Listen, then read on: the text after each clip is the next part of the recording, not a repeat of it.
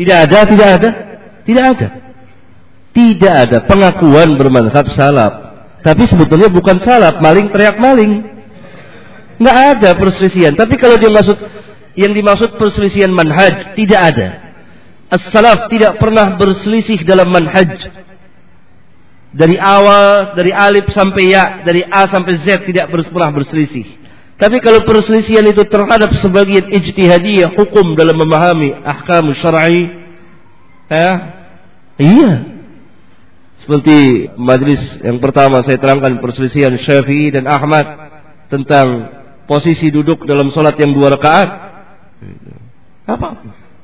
Tapi kalau bersisi manhaj tidak ada. Tidak ada. Satu manhaj.